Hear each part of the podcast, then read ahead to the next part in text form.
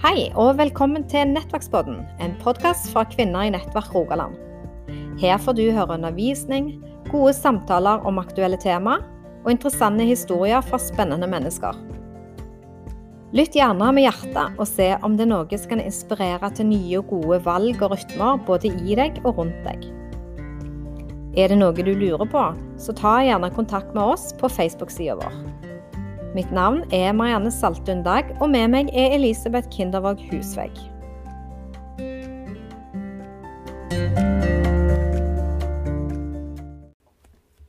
Ja, da er vi tilbake på Klepp i campingvogna vår til et nytt opptak og en ny episode.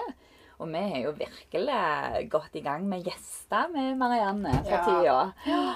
Eh, og nå hadde vi jo med både Irene vi hadde med Ole, og i dag har vi med ei ny fantastisk dame fra det glade Sørlandet. Eh, Grimstad. Og har reist eh, med tog til Jæren, beint fram, eh, og er i lag med oss i vogna i dag.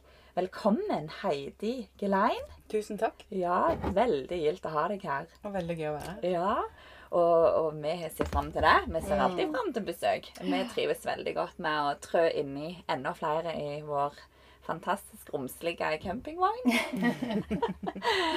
eh, og nå i dag så skal vi få bli bedre kjent med deg. Eh, det er jo ikke bare én ting å nevne fra ditt liv. Eh, og du har mye du kan dele fra både din vandring i troen di eh, med Gud. Du har jo skrevet flere bøker. Du er jo eh, en fantastisk spennende dame. Eh, og du er sykepleier, du er sosionom, du er gift eh, med en flott mann, høres det ut som, eh, og har tre unger.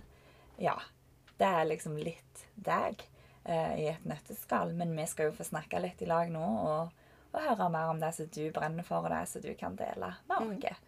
Ja.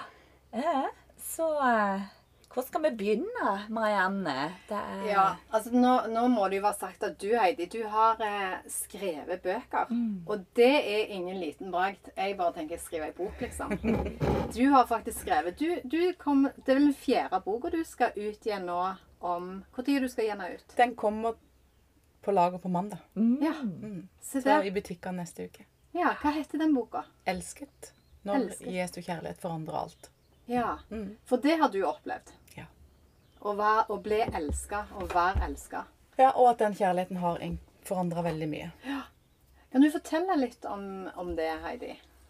Hvordan det har sett ut for deg? Å være elska Ja. av Jesus. Og hvordan det har forandra deg. Ja, det er egentlig en veldig lang historie. Men eh, skal eh, Ja.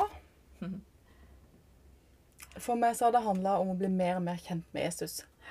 Og skjønne mer og mer av hvem han er gjennom Bibelen. Og også gjennom å se på det han har gjort i mitt liv. Jeg har alltid jeg har alltid, eller vokst opp i et kristent hjem. Har en mamma og pappa som har en tro som Jo eldre jeg blir, jo større blir de sin tro. Fordi at jeg ser at det er en tro som har holdt gjennom alt. Virkelig gjennom alt. For livet mitt og livet til mine foreldre. Og jeg tror jo egentlig at de fleste sine liv er mye av alt. Mye godt og mye vondt. Og de har på sin kanskje litt stille måte gå foran som sånne lysende eksempler på at det, det holder. Jesus holder, Gud tro, og holder, og troa holder. Så det har jeg fått lov å vokse opp i. Men nå begynner jeg jo egentlig på en lang historie her. Men uh, det, Det å vokse- liker vi. Vi liker det har jeg fått lov å vokse opp i. Og eh, litt sånn realfagshjerne som jeg er født med, som liker å ha to streker under svaret. Jeg liker at ting går opp. Jeg liker å ha kontroll. Eh, jeg liker å vite hva som skjer. Eh, når jeg da ble tenåring og begynte å tenke enda mer, så gikk ikke troa opp. Jeg fikk det ikke til å stemme. Så det var kjempevanskelig å tro. Eh, nå ser jeg jo at det jeg mangla, var jo den relasjonen med Jesus. Eh, men jeg strevde mye, og det var så mange spørsmål. Men jeg må jo si at jeg er glad for at jeg har gått igjennom det. For det er litt fint faktisk å ha vært der at man har tvilt så mye. For jeg tror det er veldig mange som gjør det. Og da setter jeg egentlig enda større pris på, på det jeg har nå. Eh, selv om jeg fortsatt syns det kan være ting som er utfordrende mot tro. Så har jeg funnet en løsning på det. Det har jeg skrevet litt om i boka òg. Jeg kan ikke gå inn på alt, for det, da blir vi ferdig. Men, men, men der å oppleve at Gud har møtt meg. At Gud kunne møte meg i den tvilen. Han, han har jo han møter meg jo på alt. sånn som en far gjør som elsker barna sine. Og i mye større grad enn det jeg faktisk klarer med mine barn. For jeg, jeg vil jo, men jeg får det ikke alltid til engang. Men Gud har ikke de begrensningene som jeg har. Så det å være elska, det handler for meg mye om at han han har møtt meg der jeg har vært, og han møter meg der jeg er, uten at jeg behøver å være noe spesielt eller gjøre noe spesielt. Eh, å skrive bøker betyr egentlig ikke noe for han. For han var akkurat like glad i meg når jeg bare satt hjemme ett år og var ganske deprimert for noen år siden. Eller ikke, ikke sånn klinisk deprimert, men, men uh, hadde det veldig tøft og ikke gjorde noen ting. Så den kjærligheten, det å på en måte Ja, nå hopper jeg veldig, men iallfall Jeg har alltid trodd, og det har vært mange opp- og nedturer, i alle fall. For å gjøre en lang historie kort, så har jeg fått oppleve åssen han har Altså, det er vel ingenting som er bedre enn å bli møtt og forstått akkurat der en er. Uten noen krav og fordringer om å være noe annet. Og det er det vi har. Vi har en Gud som forstår, og det står her nå, Jeg husker jo aldri når, hvor ting står, men det står at vi har en, en uh, Gud som, som har vært der vi er, og som forstår det vi går igjennom. Og det har vært en enorm trøst for meg, og det har jeg fått lov å kjenne òg. Sånn som den, etter det året jeg måtte slutte som sykepleier pga. en slitasjegikt, og gikk skikkelig ned i kjelleren, for jeg hadde hele identiteten min i den jeg var, og det jeg gjorde som sykepleier. Og på fritida så var jeg fysisk aktiv. Og ikke kunne gjøre noen ting mer, da var jeg ingenting. Og i det følte jeg, da. Og i det mørket der så, så fikk jeg høre Guds stemme. Ikke sånn der at det runger i rommet, men sånn inni Det gikk liksom rett inn i hjertet mitt. At du er verd å elske akkurat sånn som du er. For det, det, er jo en utfordring som sikkert veldig mange kjenner på. Mm. For det er lett å føle seg elska når vi produserer noen ting. Mm. Når vi gjør noen ting. Da er det veldig lett å ta imot på en måte og kjenne ja, jeg er elska fordi jeg har gjort noe. Mm. Jeg har fått til noen ting. Men det å sitte og bare være helt svak og bare ikke kunne prestere, ikke kunne finne seg sjøl igjen i sin egen identitet og prestasjon, det byr nok på mange som Altså, det blir nok en veldig stor utfordring, og kanskje mange kommer i en identitetskrise akkurat der. Mm. Men det å kunne si det som du sier nå, Heidi, at midt i den sorgen og midt i det her med å ikke kunne prestere på det nivået som du var vant med, mm. og fremdeles få kjenne at det er Gud, han elsker meg, mm. han bryr seg, han er der, det vil jeg jo si er veldig revolusjonært, egentlig. Det var det i mitt liv òg. Og så, så, har han liksom fortsatt å vise meg så mye. Mm. På tross av at jeg gjør så mye teit og dumt. Og føler jo egentlig at jeg feiler på så mye. Og jeg må jo si det at å bli mamma har jo kanskje vært det fineste jeg har fått oppleve. Mm. Men det har vel kanskje vært der jeg har Hva skal jeg si eh, føler jeg har mislykkes mest, kanskje. For jeg, synes, jeg trodde ikke det var så vanskelig å oppdra men, men tre første, barn. Den mm. første boka di, mm. den heter jo 'Mamma i hjertet'. Ja. Det var da, og da tenker jeg inn imot at du nevner det, at mm. du, er, du, er, mor til tre stykk. Ja. Og fortell litt om bakgrunnen for de første bokene som heter 'Mamma i hjertet'. Mm. Nevn litt på det. Jeg hadde aldri noen drøm om å skrive bok, men jeg hadde en liten blogg som du da hadde leta opp, hvis det ikke mm. fantes mer. Eh, som jeg bare brukte å formidle. Bare få ut. Jeg begynte å skrive igjen etter veldig mange år. Jeg hadde ikke skrevet siden jeg gikk på barneskolen eller ungdomsskolen. Eh, og det Jeg tror på et eller annet tidspunkt der òg at Eller tanken om ærlighet kom. At det er vel ikke bare meg som opplever det å være mamma på denne måten. Det var så mange ting jeg f.eks. tenkte når Elsemann ble født, at han skulle være med på alt. Han skulle jo være med på alle bibelgrupper og alt. og var, Alle tok jo bare ungen med i bagen, og det så så lett ut. Men det gikk jo ikke. Fordi at han, han ville jo ikke sove når vi kom hjem. Og jeg er jo veldig glad i å sove. Så dermed så orka jeg liksom ikke å ofre altså, jeg, jeg, tenkte bare, ja, til slutt tenkte jeg, Men jeg gidder jo ikke det.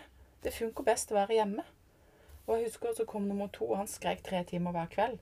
Og da kunne vi ikke ha gjester engang. Og de er veldig tett, de to. Så det var jo ikke så gøy. Eh, og, det, liksom, og ikke orka ut, og ikke orka nesten å være aleine med dem. Det var mange sånne ting som gjorde at jeg tenkte ja, men det her er jo det er det mest fantastiske jeg har opplevd. Men det er nok kanskje noe av det mest utfordrende. Å være gift og ha barn.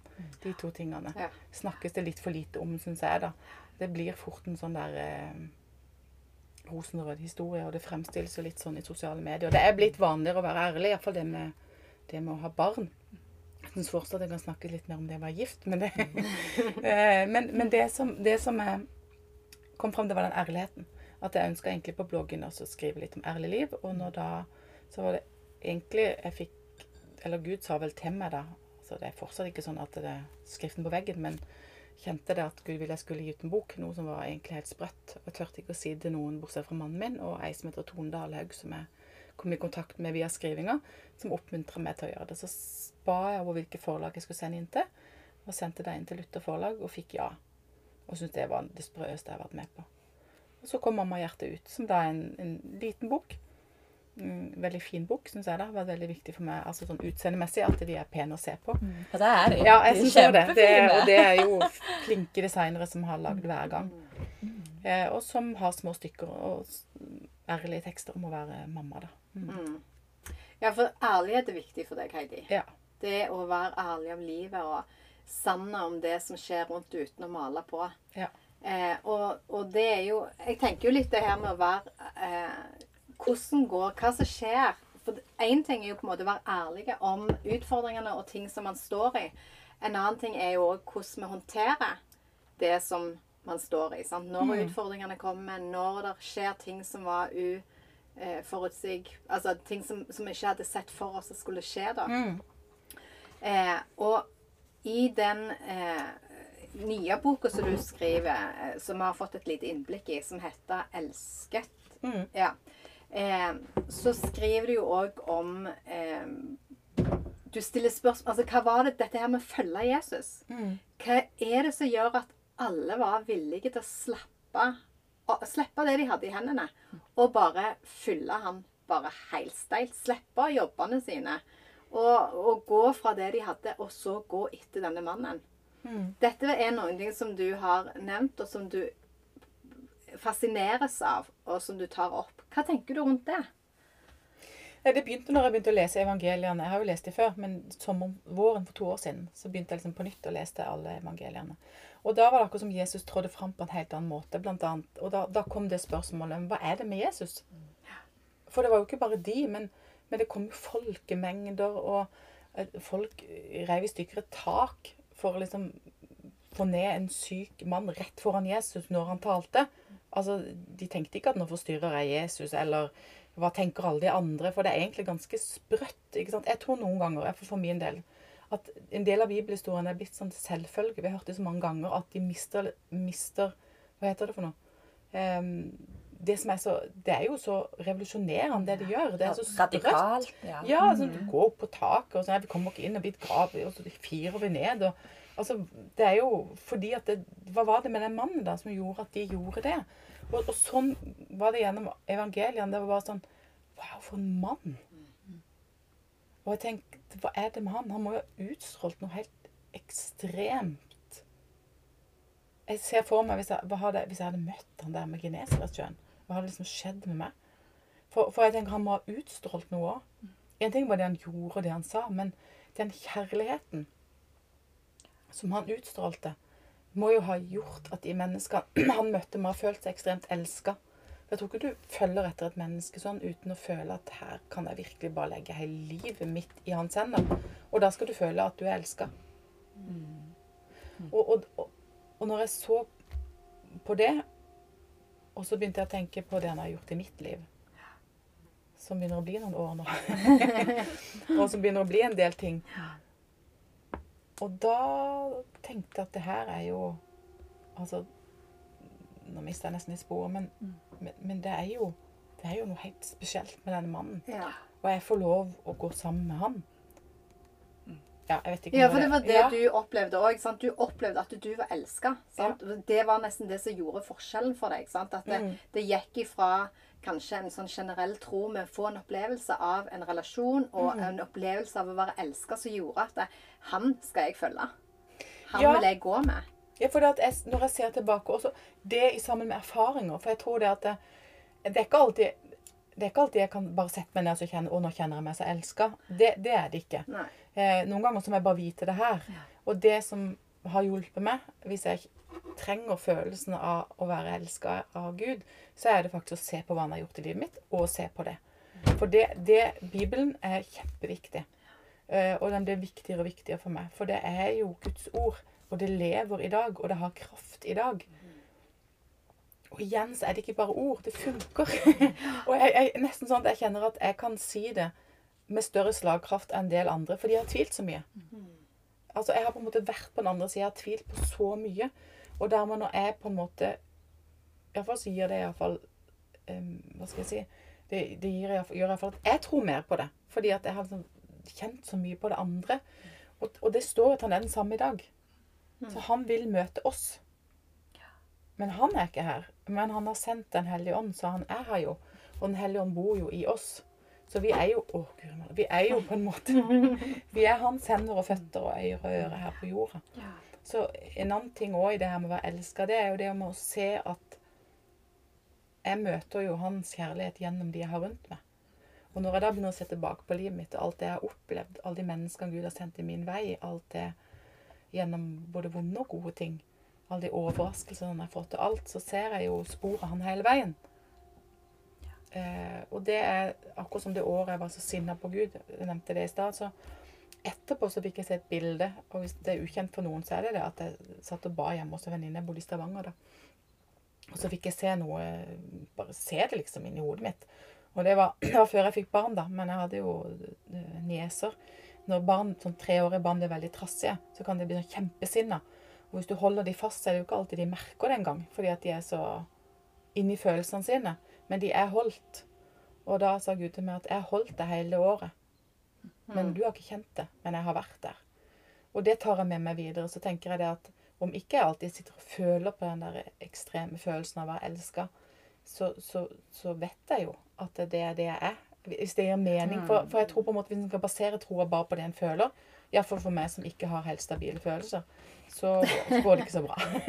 ja, men er ikke det en del av det å leve ærlig, tenker jeg? For dette, det, hvis du kommer tilbake til det som jeg nevnte tidligere, og det å leve ærlig, det handler jo både om selvfølgelig å være ærlig med seg sjøl, men òg ærlig om hva sannheten er. sant? Og hente inn den når følelsene kanskje vil vitne om noe annet, eller vil på en måte forville oss vekk da, fra sannheten. Ja. Og det å leve ærlig, det handler om å ta sannheten òg og anvende det og tale det inn i vårt eget liv når uh, ting er tøffe eller ting er vanskelige, og når man nettopp kanskje det at man ikke føler seg elska.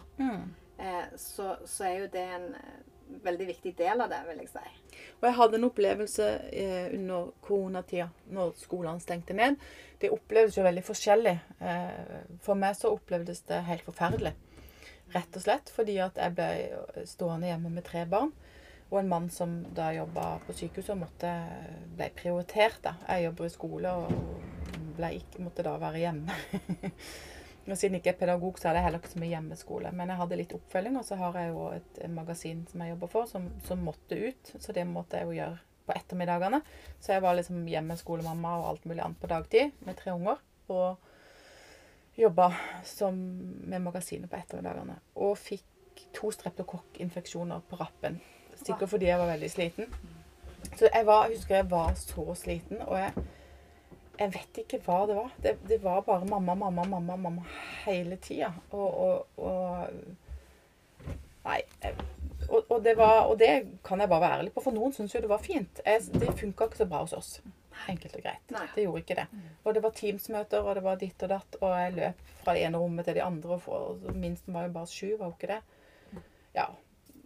Og jeg fikk liksom tynt tålmodigheten min, og den følelsen av mislykkes. Jeg tror nesten Jeg husker første gang mannen min, eller, eller en av de første dagene i uka mannen min ringte hjem, så begynte jeg bare å grine. For, for det at jeg syntes det var så pyton. Og han hadde jo også sittet på jobb og hatt det greit. Jeg tror ikke jeg forsto så mye. Men, men, men det var jeg, jeg, jeg, vet ikke. Jeg ble liksom tynt. Og jeg fikk det ikke til. Jeg husker jeg tenkte hver dag i morgen så skal jeg ikke bli sint. Lunta skal ikke ryke. Jeg skal få det til. Og hver dag så på et eller annet tidspunkt så var det bare Nå er det nok. Jeg klarer bare å svare en av dere om gangen. De trodde jo liksom at jeg kunne serve de tre på likt. Sånn føltes det iallfall. De er veldig snille unger stort sett. Altså. Men, men Og så hadde jeg så vondt i halsen. Og så husker jeg at jeg skulle lage iskaffe. Eh, og så skulle jeg gjøre det skikkelig, så jeg fant en sånn tuppevareshaker et eller annet. Og så hadde jeg is der. Jeg hadde lagd espresso. Jeg hadde melk og isbiter. Og så skulle jeg putte det oppi der, ja. Og så skulle jeg shake det. Og så hadde jeg ikke fått på lokket ordentlig.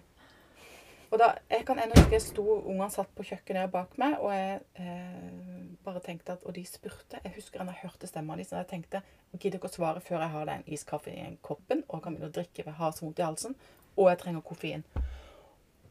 Og så begynner jeg å riste, og så er ikke lokket på. Og så var det kaffe overalt. Og da sa jeg noe veldig stygt. Ja. Mm. Jeg skal ikke gjenta det her, og jeg er ikke stolt av det, men jeg sa noe altfor stygt foran tre barn. Og det ble helt stille. Og så tror jeg enten om jeg begynte å grine eller hva jeg gjorde, men i løpet av ett sekund så sto alle tre ungene rundt meg og holdt rundt meg sånn. Og da kommer Gud, og så sier han Sånn møter jeg deg nå. Og den nåden Jeg ble helt rørt når jeg tenker på den nåden og den kjærligheten jeg fikk av mine barn da. Som en mor som, som ikke var så mye å skryte av. Og det er de litt enig i. De er litt enig i det etterkant at det funka ikke så godt som hjemmeskolelærer. Og på en måte å ha sagt noe som de ikke får lov å si. ikke sant? Eh, og så er det bare kjærlighet og nåde. Og det har Gud sagt mange ganger. Ja, men sånn, Heidi. Sånn er det faktisk jeg møter det. Når du er sånn. Og det igjen så har du den der kjærligheten. At det, det handler ikke om hva jeg er. For det at jeg får egentlig ikke til så mye av det jeg ønsker uansett. Men det å være elska sånn uansett, det, var, det er en kjærlighet som forandrer. Det er en forandring i mitt liv. Ikke fordi at jeg vil forandre meg, men fordi at det, på en måte, det gjør så godt å bli møtt sånn. Og der brukte faktisk de tre barn, da. Mm. Fantastisk. Så det for meg er blitt en sånn Det var et kjipt øyeblikk, men det er blitt en Det har blitt gull. Ja, faktisk så har det blitt gull. Mm. Du nevner på, du nevner på koronatida, Heidi. Eh, og jeg har jo fått lest litt eh, i den boka som du nå skal gi ut. Mm. Eh, og takk for det. Fantastisk. Og det rører meg, det du skriver. Du har jo en salvelse. Altså, det er jo en gave ifra Gud, det som du klarer å formidle. For det er så livsnært og ekte og ærlig, sånn som Marianne sier, som å lukke døra for at det, det blåser så i vinden. Men, men du fikk en, eh, en eh, Det var jo kaos, sant? Eh, og så var det liksom det Så du skriver litt om Ser vi Gud i kaoset? Og så var det ei bønn som du fikk be. Kjære Gud, ikke la meg bli den samme nå når vi må oppleve dette. sant? Nå, nå når vi, hele verden, får gjennomleve det som vi har opplevd nå etter pandemien eh, gikk altså braut løst i denne verden. Eh, si litt om det. Hvordan kom du ned til på en måte den, den bønna der? Det begynte vel med at jeg hver morgen ba liksom bare sånn hjelp, hjelp meg. For jeg skjønte at det her er ikke noe som ja, Jeg er jo kontrollfrik og alt sånn, selv om det går bedre. Men det her var ikke en situasjon som, som passa meg så godt. Um, men så Og jeg var jo òg en av de som trodde at vi kom til å være tilbake på skolen om to uker. Det må jeg jo si. Men eh, Evig optimist. ja. Jeg har vært det hele veien. Det har vært mange skuffelser, men mange Mye fint òg. Nei. Med godt mot. Ja. Ja. Eh, sitter vi her et år etterpå? Nei da. Nei. Men så etter hvert så begynte jeg å skjønne at det her er jo ikke over på null komma niks. Eh, det her er jo noe som vi må leve med. Og, og det var en del alvor som gikk opp for meg òg, at dette handler jo om mye mer enn at jeg ikke er så flink til det her å ha ungene hjemme og få det til.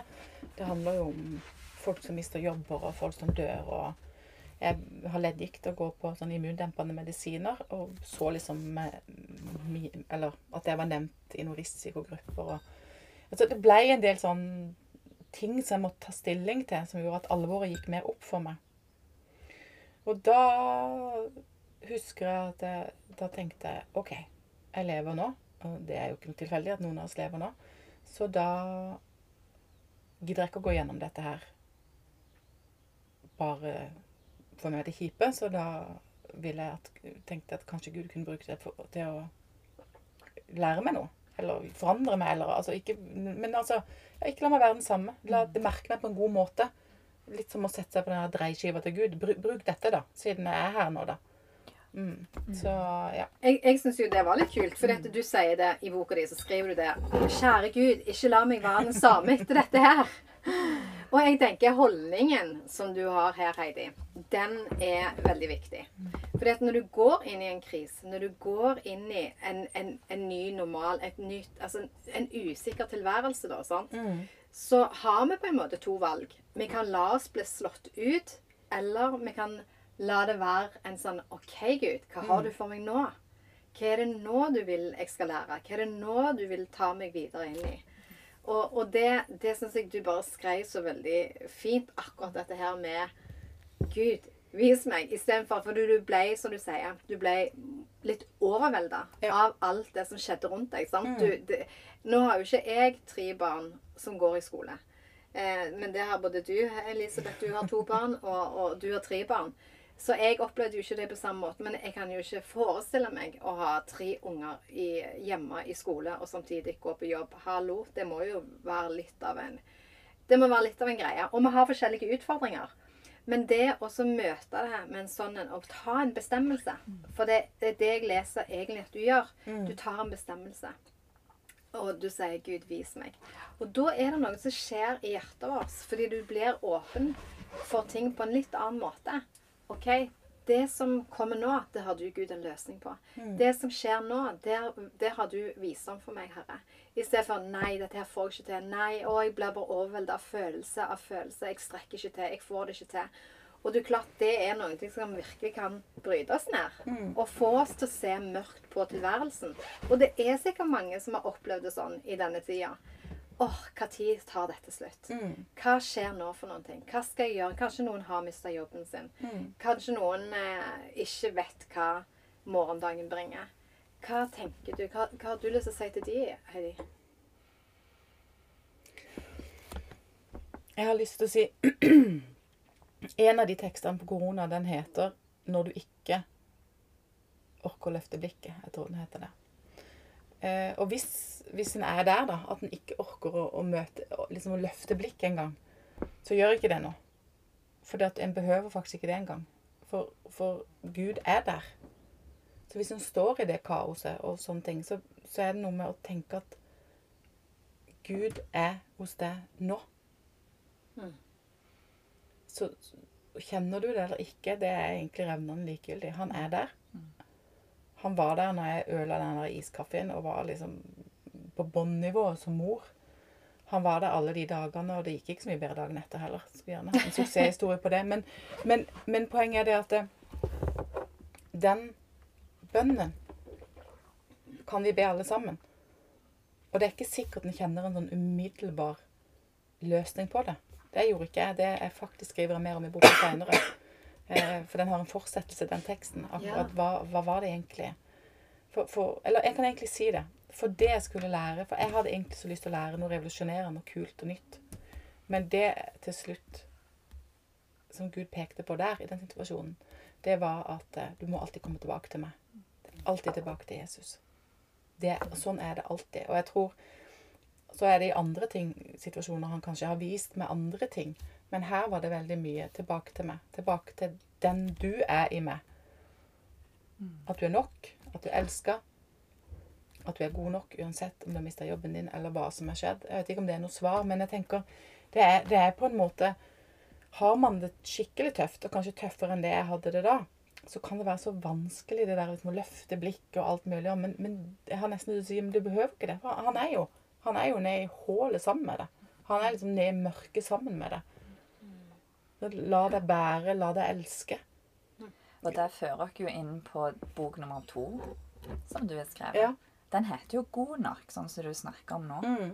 Eh, og den er jo, der toucher du eh, dine personlige erfaringer både rundt deg med identitet, med selvbilde, relasjonen din med Gud, altså kropp ut sin takknemlighet. Og det å inngå våpenhvile med seg sjøl. Fortell litt om det. Det er egentlig noe jeg gjør hvert, ofte. Jeg holdt på å si hver dag, men det gjør jeg nesten. Nei, da er en jo inne på kropp og utseende veldig mye når en snakker om den våpenhvila. Fordi jeg har egentlig alltid hatt ganske sånn dårlig, spesielt ung voksen alder. Jeg syns at jeg var, veide for mye og skulle ønske jeg hadde nese og alt mulig teite ting. Syns jeg hadde hestehår og i det hele tatt. Fordi jeg alltid sammenligna med alle andre. Eh, og det blir en ganske sliten av. det som har vært en sånn aha-opplevelse for meg, det er jo annet når jeg gikk høygravid med eldstemann, så på brudebilder av meg sjøl og bare Hallo, var jeg så slank? Og så skjønte jeg det ikke. Eh, jeg var helt vanlig. Eller vanlig. Alle er jo vanlige. Det er jo det som er hele greia. Og det som begynte å demre for meg, at det, det er egentlig helt sprøtt at vi går rundt og er misfornøyd med oss sjøl, sånn som vi ser ut. For Gud har jo skapt oss som en hensikt. Han skapte ikke bare vårt indre. Når, når han på en måte designa meg, for det var jo det han gjorde, så hadde han jo en tanke om hår og øyenfarge. Og han hadde òg en tanke om hvor brei rumpa mi skulle være, og at magen min aldri skulle være flat. fordi han syns ikke det nødvendigvis er så fint. Det er liksom samfunnet som har skapt det idealet. Han har ikke noe sånn ideal. Han liker alle kroppsfasonger. Han liker alt. Og det, og det er en del Jeg husker når dattera mi ble født, og jeg kikker ned, og ser jeg midt i ansiktet? Den. og da hadde jeg slutta fred med den, da. Men allikevel så ble den sånn Wow. Jeg gikk hele barndommen og syntes at nesa mi gikk for mye opp i profilen. Sånn. Nei da. men, men ikke sant, så ser jeg på Maria, jenta mi, må være verdens fineste nese. Det hadde jo jeg da jeg var barn. Og sånn kan man liksom holde på. Og det derre Å slutte fred med sine egne tanker, rett og slett. At jeg er skapt sånn som jeg er.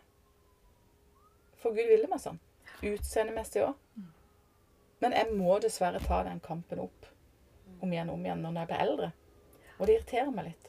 Jeg må si det. Jeg skulle ønske at jeg slapp det. Men jeg gir meg ikke. Fordi Og det her kjenner jeg det er viktig for meg. Jeg er et forbilde. Og kanskje aller mest for hun jeg har hjemme. Og hun skal slippe å, å, å høre eh, at jeg er misfornøyd med meg sjøl. Så jeg går i bikini, og jeg går kledd sånn som jeg Altså, hun skal se Jeg håper hun ser en mamma som er fornøyd med seg sjøl. Men da blir det en del våpenhviler innimellom, altså.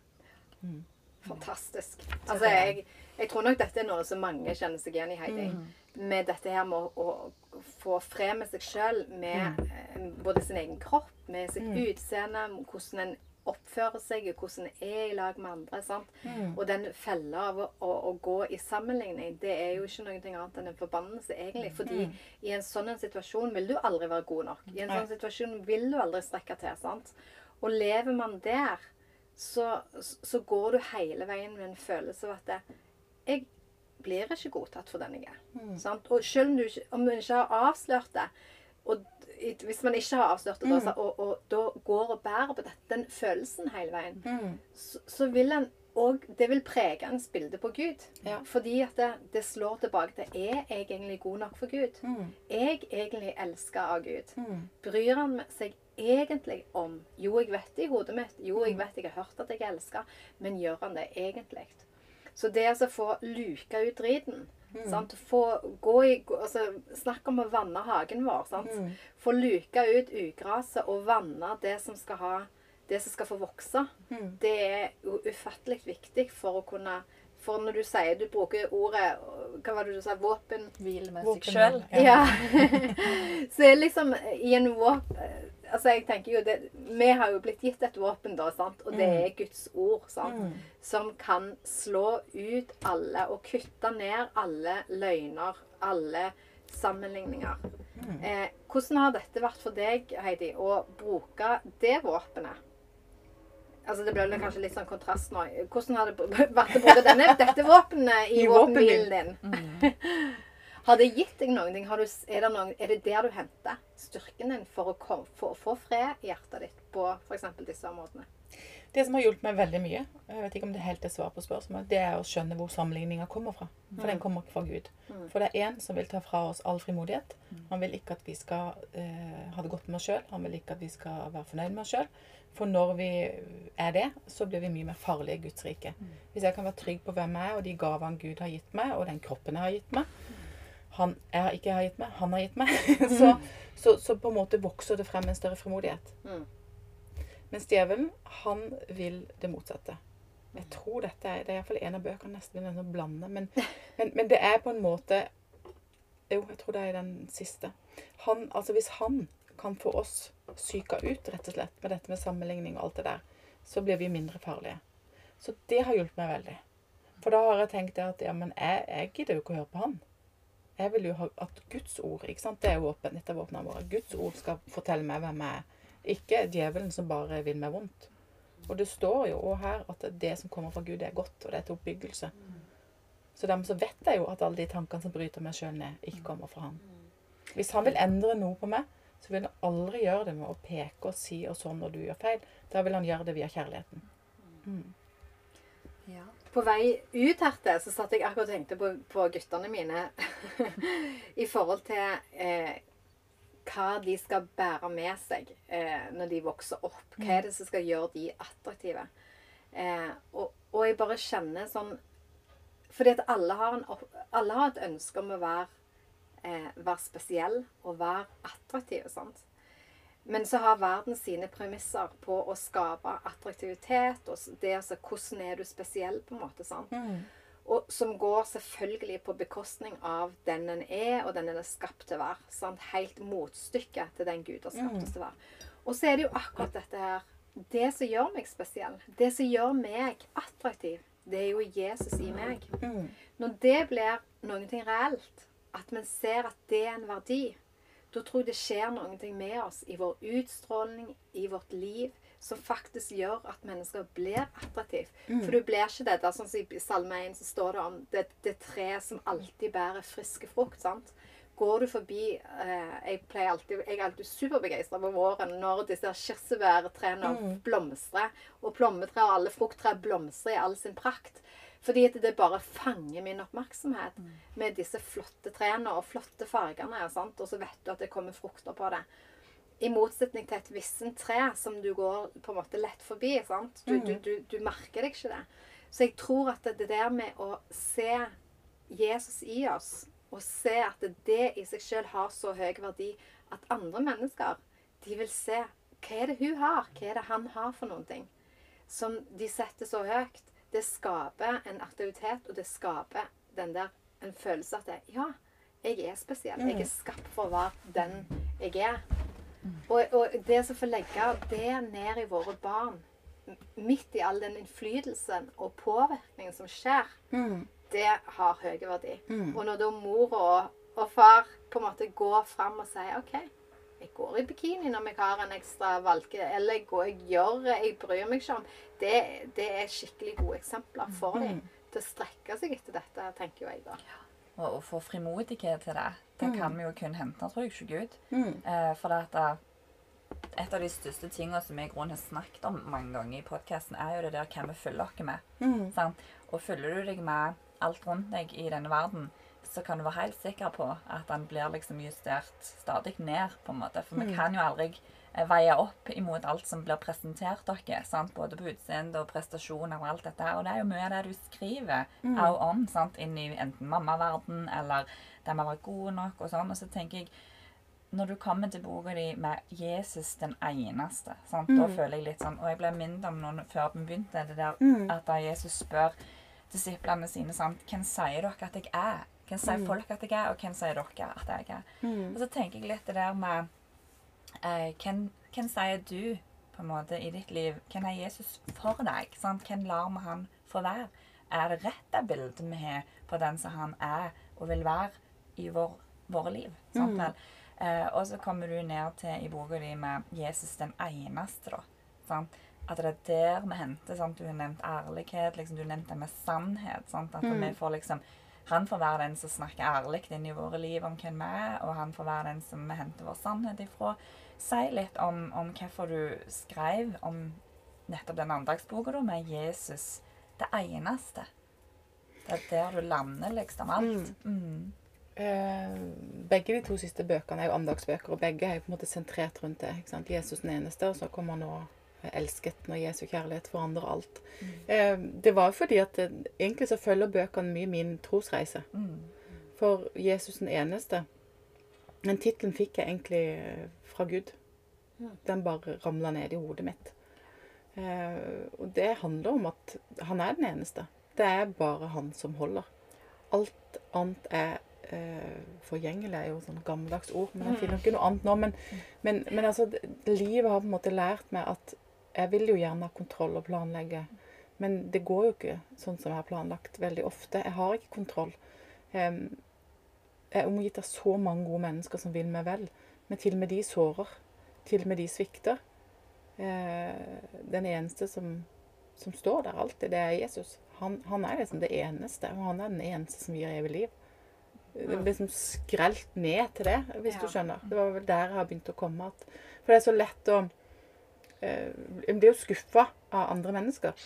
En, en lever en i nære relasjoner, så, så blir en jo skuffa og litt såra. En gjør det i vennskap, en gjør det i ekteskap, en gjør det i foreldre-barn-relasjon.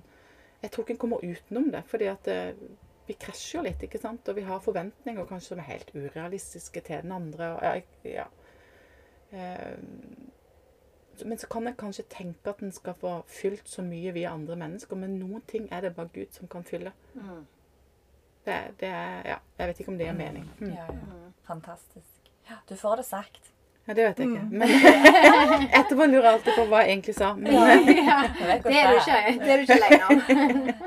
Men du skriver òg det når du sier eh, at det, boil, det koker ned til dette her med at det, eh, der er noen ting som bare Jesus kan fylle. Ingenting annet kan fylle. mm, Eh, og så har du et fokus på dette her i boka. At det, nettopp fordi at jeg har fått oppleve dette, fordi jeg har fått oppleve å få et evig liv og leve et meningsfullt liv her på jorda, så skylder jeg òg å gi dette videre. Og jeg syns jo det er et kjempeviktig fokus. Fordi jeg sjøl har jeg er sånn, når jeg selv når jeg ble frelst og fikk oppleve Jesus, og, og så han forvandla livet mitt, og han satte et helt nytt fokus. Han ga meg det jeg ikke hadde i denne verden. Eh, da skjer det noen ting som er så livsforvandlende at du bare Det er sånn du- Hvis du har vunnet den største prisen ever, sant, så er- blir det jo egentlig nat naturlig at en deler mm, eh, det videre, da. mm, Og det er jo det som gjør at man har lyst til å fortelle om Jesus til andre. Fordi at åh, Hvis de hadde bare fått smakt på han, om de hadde bare fått kjenne Jesus, så vet du så godt at ting hadde forandra seg. Og dette syns jeg du tar opp i boka. Og du sier, du sier faktisk uh, Skal vi se Kan jeg Hvis jeg virkelig tror på dette, på en Jesus som gjør dette for meg, som elsker meg så høyt at han døde for meg, hva gjør dette med meg, og hva gjør jeg med det? Kan jeg bare gjemme det i hjertet mitt og juble over å ha en slik frelser? Over at jeg, jeg slipper å dø, for jeg har fått evig liv i gave? Er ikke det skikkelig egoistisk, skriver du? ja. Ja. Det er rett på sak. ja. Spot on. Um, ja, det skriver jeg, og det, det er noe jeg har tenkt mye på. Og det begynte egentlig for flere år siden. um, at jeg begynte å kjenne på en enorm nød for mennesker rundt meg. Som jeg bare tror Gud må ha gitt meg, og som knuste hjertet mitt. De kjenner ikke Jesus. Eh, og jeg tror mange tror fordi de ikke kjenner han. Og så kommer det spørsmålet ja, hva gjør du med det, da? Hvem, hvem er du oppi dette? Dette her var typisk eh, Jeg har tre unger som går på aktiviteter og altså, møter enormt mye folk. Jeg liker å møte folk. Iallfall før korona var han jo rundt overalt og så på kamper. Altså enormt sånn folk, Ikke nødvendigvis nære venner, men det var det òg. Men det var folk rundt meg som jeg visste ikke De kjenner han jo ikke. Og en dag så er det slutt. En dag så dør vi, og da er det en, det ene eller det andre. Og det alvoret har jeg egentlig aldri tenkt på, for jeg har egentlig alltid vært redd for å dø. Jeg er litt redd for det ennå, men det går bedre. Men, eh, men, men det alvoret kom så veldig over meg, og jeg eh, Ja. Og jeg, hadde, jeg har lister hjemme, sånn bønnebok jeg sitter på morgenen der jeg ber på folk, og og, og det har skjedd mye rundt dette, da, men i forhold til det som jeg skriver i boka, så ble det enda mer forsterka med det jeg sa når jeg leste om Jesu evangeliet ikke sant, og begynte å se hvem han var, og, og hvem han hadde vært i mitt liv. Og som jeg, sier, som jeg skriver der, når han, gjorde, når, når han har gjort alt dette for meg, så er det så mye. Alt fra små ting som ikke er små, til større ting. ikke sant? Det men, men, men det som står her, hvis jeg tror på det, så er det helt utrolig gode nyheter. Og det er liksom en mann som er helt fantastisk, og som er den samme i dag. Og som vil være der for alle. Og som har skapt alle disse som ikke tror han har skapt og designa de like mye som han har skapt oss. Og jeg bare tenker på det han har gjort, hvordan han har gått med meg gjennom ting. Han tar jo, tar jo ikke alltid utenom. Det er jo ting jeg har gått igjennom som jeg gjerne skulle vært foruten. Men han har vært med gjennom. Han har båret meg gjennom. Han har kjempa kampene mine. Han, han eh, jeg har leddgikt, jeg er ikke helbreda, men han har gitt meg et rikt liv med det, og medisiner som funker. Han har gitt meg jobber jeg fungerer i. Jeg har fått lov å skrive bøker selv om jeg egentlig er dårlig i norsk. Jeg, får, altså, og så kan den gå, jeg fikk beskjed om at jeg kanskje kunne få tre barn. Nei, kunne få barn. Jeg har fått tre barn. Eh, jeg var singel til jeg var 32 og hadde egentlig planlagt livet mitt alene. Og så kommer Martin inn, og jeg får oppleve å ha en familie. Og det er det ikke alle som får. Og jeg tenker det, For det er ikke Det er ingenting som er en selvfølge. Og alt vi har fått, er gitt av Gud. Alt.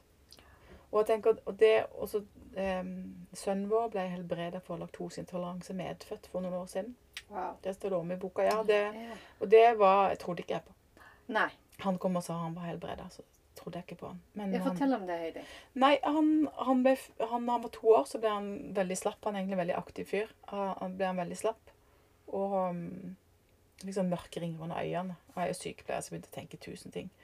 Eh, heldigvis så fikk vi svar på en blodprøve. Det er veldig greit. Det stod bare han hadde mangla noen sånn hormon som kom til å forsvinne mer og mer.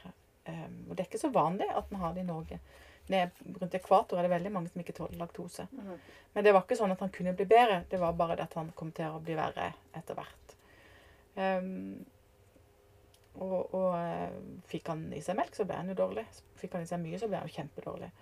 Så hver kveld så ber, setter en av oss, meg og Martin, ned på senga og ber uh, for barna. Da har vi alltid bedt om at han må bli frisk.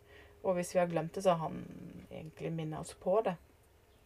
Og så sommeren for to år siden så kom han eh, og sa at nå var han blitt helbreda.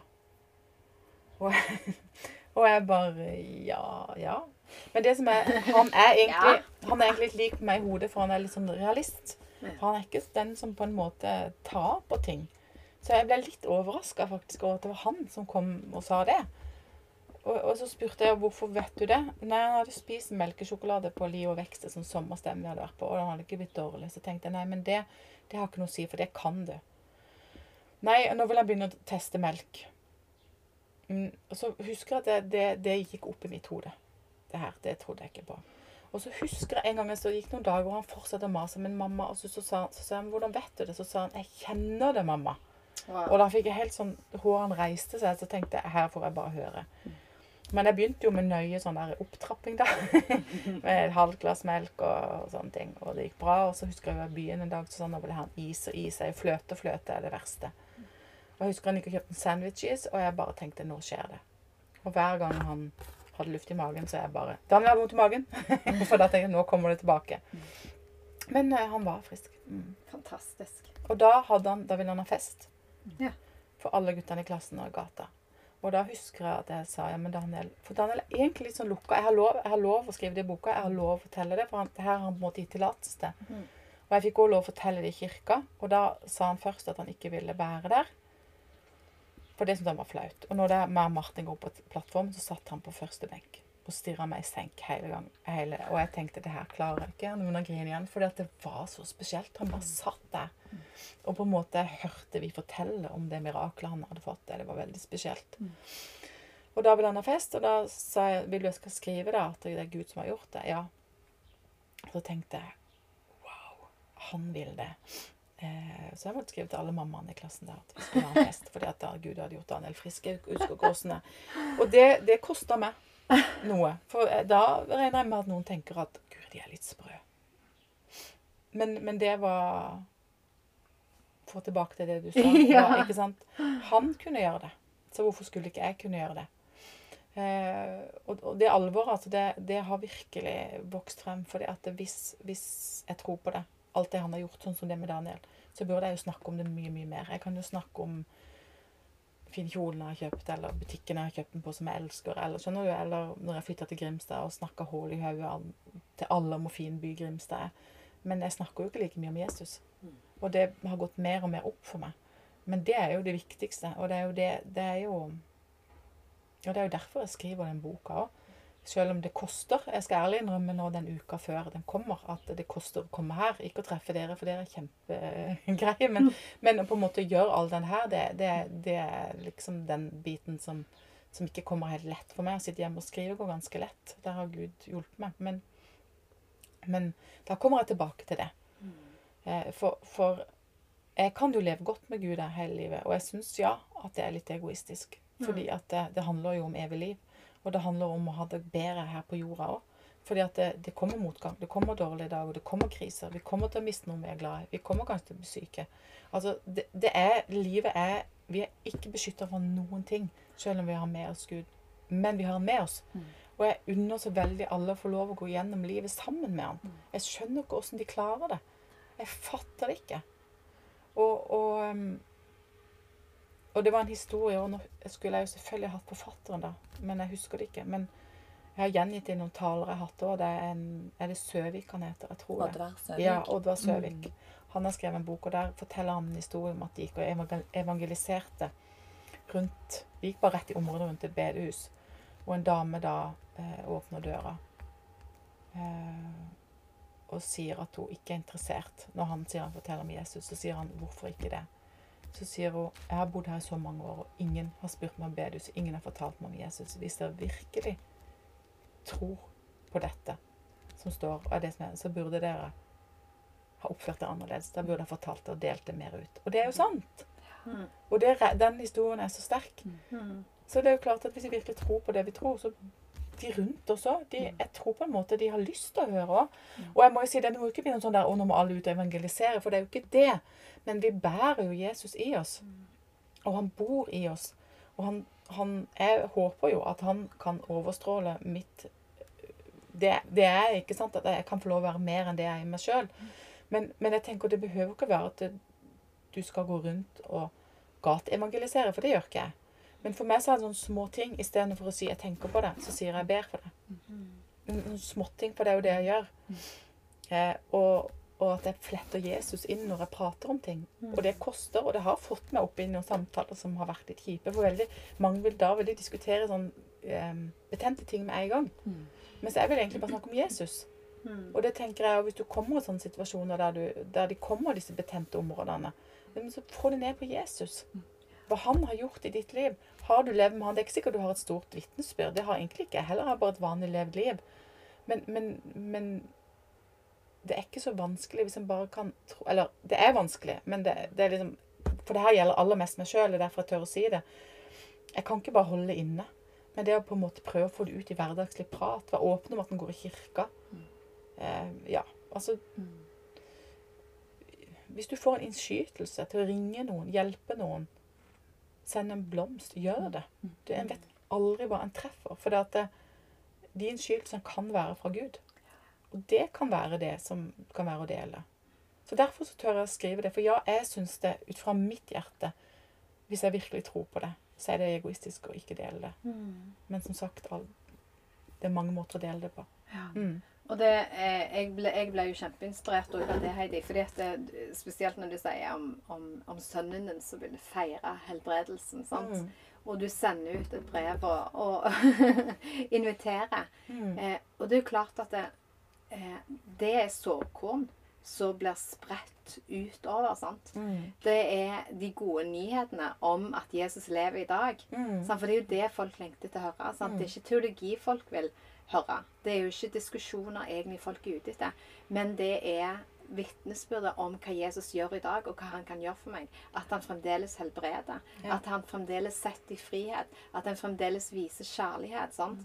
Men jeg tror vi må våge å bryte barrierer i vårt eget liv, som du sier. Der er, det koster noen ting. Ja. Sant? Eh, vi må gå ut av vår egen eh, komfort, vår egen, det vi er vant til. Sant? Og noen ganger tror jeg kanskje at vi må sette oss ned og regne ut OK, jeg har lyst til å vokse. Jeg har lyst til å utvide mitt terreng. Hva skal jeg gjøre for noen ting? Hva er det som gjør, hvordan ser min hverdag ut, og hvordan kan jeg være med på å forandre min hver, hverdag? Sånn som det står med Jesaja. Sant? Om å, du tar de teltpluggene, og så utvider du de for å gjøre eh, plassen større for teltet. Sant? At det, det står faktisk ikke at Gud gjør det, men det står at du skal gjøre det. sant? Og, og da, hvis vi setter oss ned og går igjennom vår hverdag Hva er det jeg driver med? Hva er det som er min jobb? Hva er det, hva er det som er mitt nettverk? Eller for den saks skyld å gå ut på gata. Det kan være hva som helst. sant? Men at en tenker litt igjennom det og sier OK, jeg ønsker å sprenge litt begrensninger i mitt eget liv. Jeg ønsker å se at det som jeg ser, og det som jeg sjøl eier, skal få lov å komme ut der. Mm. Eh, og det, det syns jeg var nydelig, det, Heidi, det, som, det vitnesbyrdet med sønnen din og det som du forteller. Fordi det er virkelig noen ting som folk, jeg tror, lengter etter å høre. Ja, og jeg kjenner at det, det er på en måte sterkt for meg ennå. Mm. Og det å se på barna For det er eh, Ja, åssen de har en større frimodighet, og så mister vi den litt etter hvert. Og vi skal jo bli som barn. Så jeg tenker frimodigheten til barna det er noe vi bare kan se og lære av. Veldig bra. Du um, opplevde jo um, Jeg syns det var så fint. Jeg må bare trekke det fram. For du skrev at en kveld kan ikke, Du kan fortelle det med egne ord. Det er bedre, føler jeg. Eh, det som sto nevnt om at du sto, så ut. Det var mørkt. Ja, det var Ja. en tidlig morgen. Mm. Eh, og det er alt det som står om barna mine, har jeg fått lov å, Ja. lov å gjengi. Det Når de blir så store, så er det litt viktig. Eh, det var en morgen, det, det er ganske lenge siden, for han, eh, han var ikke så stor da. Eh, og da sto jeg og kikk, jeg sto sikkert og lagde nistebukter og sånn, og kikket ut av kjøkkenvinduet, og det var mørkt, sånn som det plutselig er om morgenen, sånn i november, og desember, og liksom slått av mørkt det faktisk er. Og så hadde jeg da ungene, for noen av de på et sånt annet bord litt sånn bak ryggen min. Der satt sikkert og tegna eller et eller annet. Og så bare et sånn hjertesukk fra meg at det, Og så mørkt det. Og så kommer det liksom fra sida der. Ja, det er fordi vi skal lære. Og så kjente jeg bare igjen at jeg fikk sånn der Hæ? Hva var det for noe?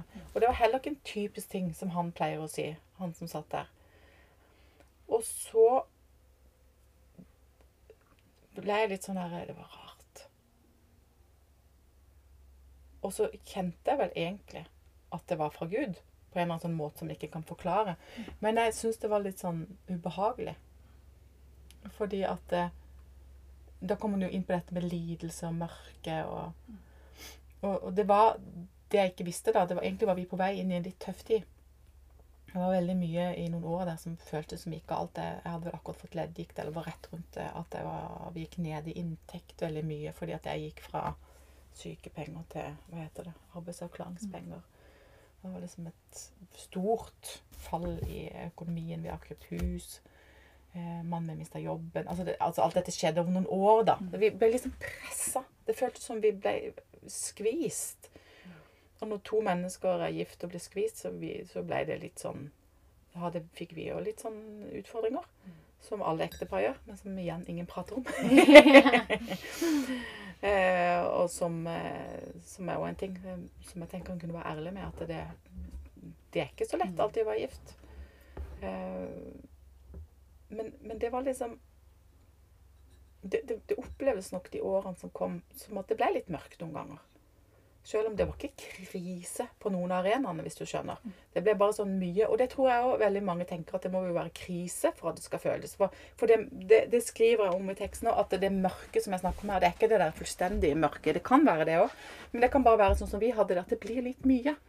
Det blir litt mye sånn at man misforstår ektemannen litt ekstra mye, skjønner du? At du blir litt ekstra sinna på ungen din, at du blir ekstra sliten. Skjønner du? Det der jeg tror alle går igjennom innimellom. At, at det føles som at Guri malla, jeg får ikke puste, jeg får ikke hvilt, jeg får ikke eh, Jeg vet ikke om dere kjenner igjen i det, men Oh, litt sånn, ja, litt sånn der, Som jeg tror er så menneskelig. Og som er litt sånn mørkt. Det, men det er jo sånn med årstida nå. ikke sant? Vinteren er jo ikke en krise. Men det er en del av et, et livshjul, et årsskjul. ikke sant? Og, og sånn er det. Og dermed så tenker jeg eh, For det her var noe som, som eh, levde i meg, det, de ordene som ble sagt. Fordi at jeg tror ikke Gud påfører oss lidelse. Men som jeg sa, det er jo de sesonger. Det, det er sesonger. Vi er ikke forskåna for ting. Men da han er tilbake til når han først er i det, så tror jeg Gud kan vise oss noe. Det er ikke sånn at han sier at nå kaster en hel haug med krise på Heidi, og så skal jeg jammen lære noe. Det er liksom ikke sånn. Men det er det der at nå, nå er livet litt tøft for Heidi, men jeg er her fordi jeg gir skatter som er skjult i mørket. Ja. Og det var det bibelverset da, som på en måte kom inn sammen med det som ble sagt, og som jeg egentlig syns er veldig vakkert. For igjen så tenker jeg, og jeg vet jo at den gangen for mange år siden, når jeg var så langt nede, og jeg fikk høre at jeg var verdt å elske akkurat sånn som jeg er, det var jo i mørket, det. Det var litt av en skatt. Det er jo en skatt som har, som har båret meg gjennom resten av livet mitt. når jeg ser tilbake f.eks. i det økonomiske, som, som vi også snakker litt om, men som var veldig tøft. Ikke det at vi hadde ekstremt dårlig råd, men vi hadde råd, men vi hadde bare mye mindre penger enn vi hadde hatt. Så fikk jeg se en Gud som forsørger. Det står du, men nå fikk jeg kjenne det. Mm. Fantastisk. Så det er en del sånn ting som på en måte en har fått se. Eh, Og det merker jeg jo i bøkene, at dette er jo levd liv, liksom. Du snakker jo, det er en erfaring her, sant, og deler fra ekte, ærlig liv. Ja, og jeg tenker, og det er så viktig for meg òg, fordi at det, det, det kan se ut som livet vårt er glansbilder på Facebook og Insta og overalt, men jeg tror ikke på det. Nei. For at jeg, tror ikke mitt liv er så mye annerledes enn alle andres. Selv om enkelte dager så tenker jeg at ingen er så forferdelig som meg. Men, men, men Og kanskje ikke det er det heller. Nei, men, men, nei, men det var tull. Men, men, jeg, men jeg har jo opplevd når en har begynt å dele at folk Mm. eh, sier det. Ja, noen ganger er det litt tøft å være gift. Så i Stort sett så gjør folk sånn istedenfor. Ah, liksom. Eller jeg syns det er ganske tøft å oppdra barn. Å ja. Det, altså, en, altså det er, jeg tror ikke vi er så ulike. Og det, da er jeg jo inne på noe annet med det med ærlighet òg. Gud vil jo at vi skal være ærlige, for da tror jeg at han kan, kan på en måte virke mer imellom oss. For da kan vi støtte hverandre på en helt annen måte enn hvis vi bare går rundt med fasader. For da Jeg syns det er litt skummelt, det. Hvis jeg møter mennesker som ser ut som de fikser alt. For da blir jeg så liten. Ja, hvis det er Jeg tror, jeg tror det må være til en annen podkast, Heidi. Det- Den biten der. For det er faktisk en veldig viktig Det å leve i fellesskap og det å leve med hverandre. Em, og være åpen om, om det som er tøft, for å kunne komme videre. For det er jo et veldig viktig poeng. Det Ja. er en vei ut. Man, man, man stopper ikke i dødsskyggens dal, man går gjennom den. Ja. Sant? Og jeg har lyst til å avslutte med det verset som du nevnte her, eh, som står i Jesaja 45,3. Eh, jeg gir deg skatter som er skjult i mørket, og rikdommer gjemt på hemmelige steder, for at du skal vite at jeg er Herren, eh, som har kalt deg ved navn. Og det er fantastisk, akkurat dette, at i Nå hører dere traktorene som- Det er vi på bondegården, vet du. That's life, Howard. ja, med fluer som fyker rundt omkring og kommer seg inn her. Men eh, i alle fall så skal vi ikke være redde for Så skal vi ikke være redde for det som kan se mørkt ut. Eh, for det, det, som, det fins ting som er gjemt for oss på hemmelige steder. Der du er bare helt alene. Der har Gud gjemt en skatt for deg. Når du er i mørket, så er det en skatt kun for deg der. For at du skal vite at han er Herren. Eh, og det står det jo i Roman òg, at bekjenn med ditt hjerte at Jesus er Herre. Og det er noe vi har, la han få lov å ha herredømme i vårt eget liv. Han er Herren. Jeg setter ikke meg sjøl som herre og bestemmer, men han er Herren. Og det tror jeg han ønsker å åpenbare for oss. Så gå igjennom disse mørke stundene og søk de hemmelige plassene uten å være redd for det. For det vil han åpenbare seg og gi oss dybde og visdom. Takk for at du tok turen, Heidi. Takk for at vi kom Og ble med. Det var veldig kjekt. Så anbefaler vi dere som hører på, å få tak i boka til Heidi, som kommer ut Hva tid kommer ut, Heidi? Den kommer på mandag, går det an å bestille den i nettbutikker. Og så kommer den i bokhandler i løpet av uka. Den sendes ut fra lageret fra mandag liksom ut. Ja, så jeg kan ikke si nøyaktig hvilken dag den er i hvilken butikk, men i løpet av neste uke, tenker jeg. Løp og kjøp. Løp og kjøp. Gi dere på. Så snakkes vi. Takk for denne gang.